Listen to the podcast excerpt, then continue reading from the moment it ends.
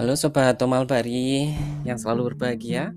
Tak lupa mari kita selalu bersyukur hari ini kita bisa berjumpa kembali Dan suasana hari ini mudah-mudahan selalu semangat, selalu membuat kita bahagia. Mudah-mudahan kita bisa menjalankan aktivitas dengan lancar selalu. Amin, amin. Baik, episode kali ini Mal Bari coba untuk me mengemukakan salah satu isu ya, salah satu topik yang akan kita bahas yaitu tentang teneneng. Pergi ke Times Higher Education Asia University Summit. Ya berlangsung di tanggal 31 Mei 2022 sampai dengan tanggal 2 Juni 2022 di Aichi Prefecture Japan. Ya ye. Dan ini lokasinya di Nagoya dan host university kali ini adalah Fujita Health University. Ya, jadi ini merupakan pengalaman dan perlu untuk Om Al bari bagi. Silahkan untuk simak ya. Jadi pengalaman ini adalah bukan saja pengalaman untuk ikut serta di dalam Time Higher Education Summit, tetapi pengalaman datang ke Jepang pada saat pandemi. Aduh, bagaimana sulitnya? Mari kita simak bersama. Nah, pada saat itu Om Bari berangkat pada hari libur. Nah, ini yang jadi masalah. Berangkat pada hari libur rupanya banyak hal yang ya muncul tapi alhamdulillah selesai juga. Di Jepang pada saat itu harus menjalani istilahnya tuh program yang namanya karantina ya. Indonesia termasuk salah satu negara yang harus karantina karena apa? Karena vaksin pertama dan kedua itu adalah Sinovac dan Sinovac itu tidak diterima di Jepang. Yang diterima di Jepang itu adalah vaksin Moderna, vaksin Pfizer dan sebagainya yang selain Sinovac. Ya, jadi mungkin ada juga sih yang uh, teman-teman Sinovac juga diterima tetapi khusus untuk Sinovac Jepang belum menerima. Nah, inilah yang kemudian menjadi pemicu masalah. Oke, pada hari itu uh, pada saat pemberangkatan ya, Amal Bari hari itu berangkat tanggal hari Kamis ya, tetapi hari sebelumnya sudah berusaha untuk mempersiapkan dokumen. Pergi ke uh, tempat untuk PCR test karena penerbangan luar negeri harus mempunyai sertifikat vaksin tiga kali dan juga PCR satu kali. PCR kalau ke Jepang itu harus berumur dalam rentang waktu 72 jam ya atau tiga hari. Nah ini tiga hari itu adalah bukan hasilnya tetapi saat diambil sampelnya. Nah, ini jadi kalian kalau mau yang ke sana harus coba untuk memastikan umur tes PCR tersebut. Syukur-syukur masih 24 jam atau mungkin masih 48 eh, jam ya jadi tidak ada masalah.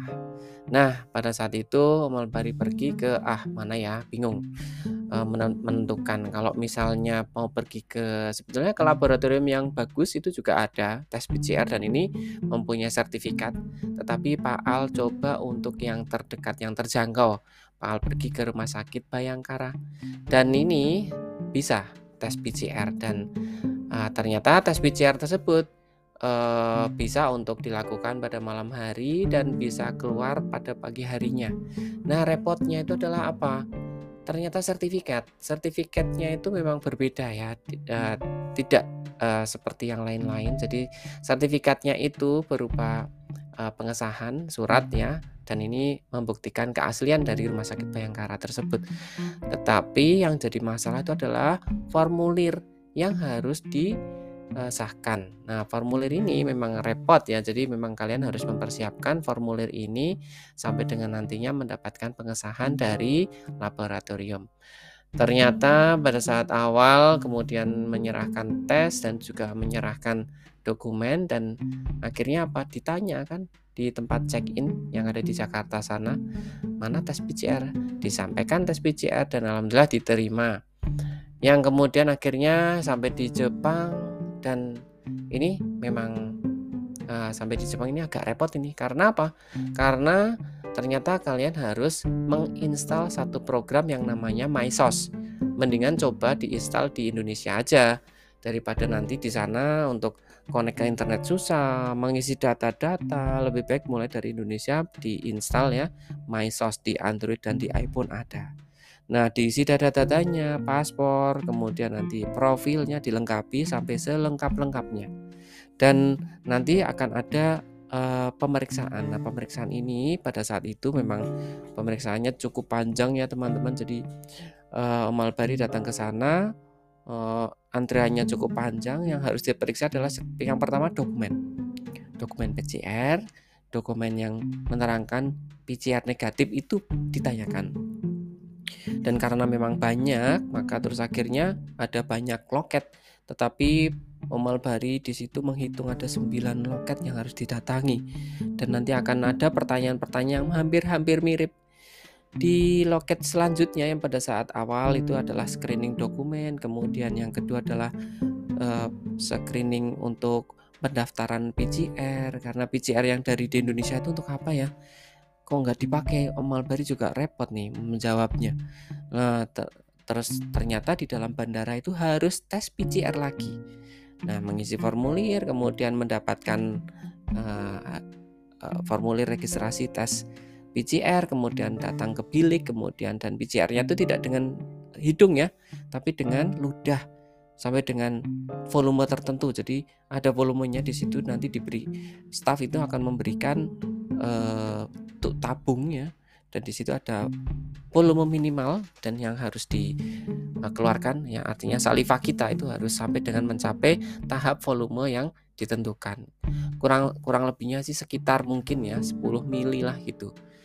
Nah ini nanti dicek kemudian kita sambil berjalan menuju ke lokasi yang menunggu ya. Di situ memang banyak yang menunggu dan lama bisa satu jam sampai dua jam ya tergantung pada antriannya pada saat itu dan nanti akan keluar hasilnya di layar monitor ada nomor.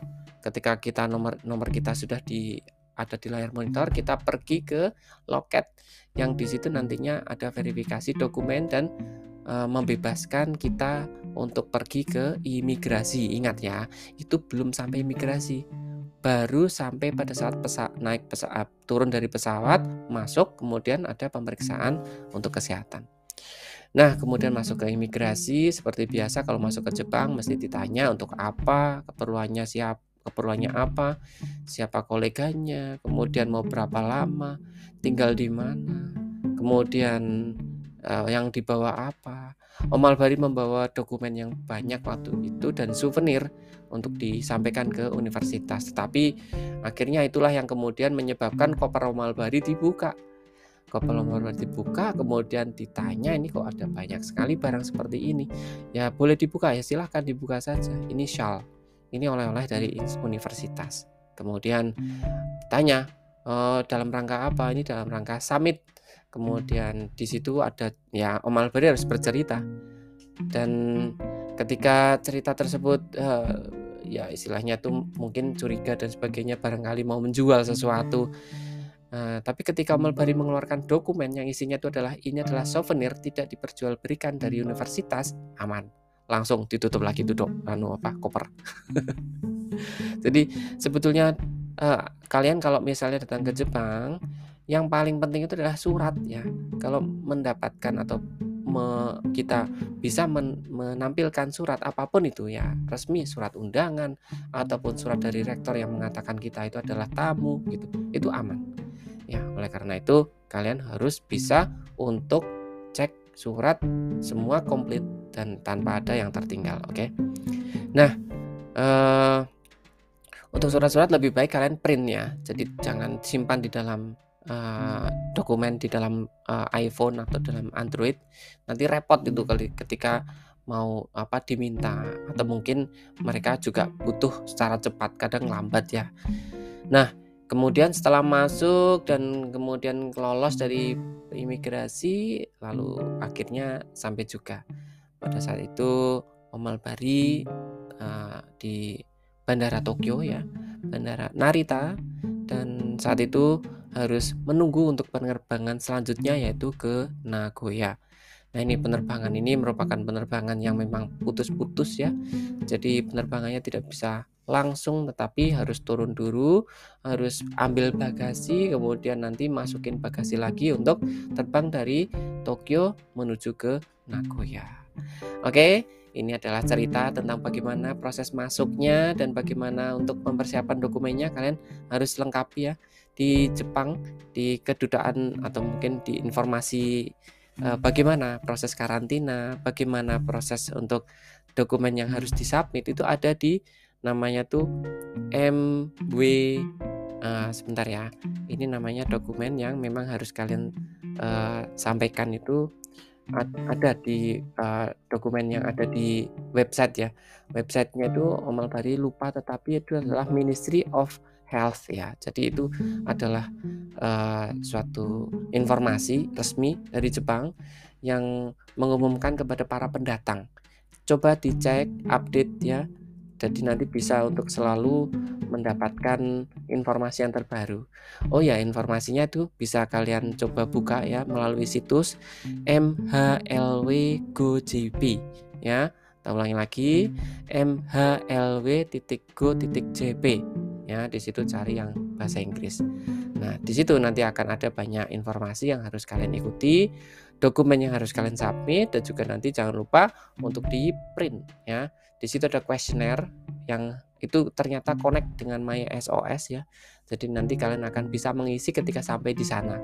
Ketika di sini memang belum bisa, tapi ketika sudah nyampe di sana, maka akan ada kuesioner yang nanti akan dibantu oleh staff untuk mengisinya. Baik, mungkin itu dulu dari saya dan Amal Bari selalu menasihati untuk kalian yang bepergian jauh jangan lupa dokumen disiapkan. Jangan sampai ada yang tertinggal. Sampai jumpa lagi. Bye bye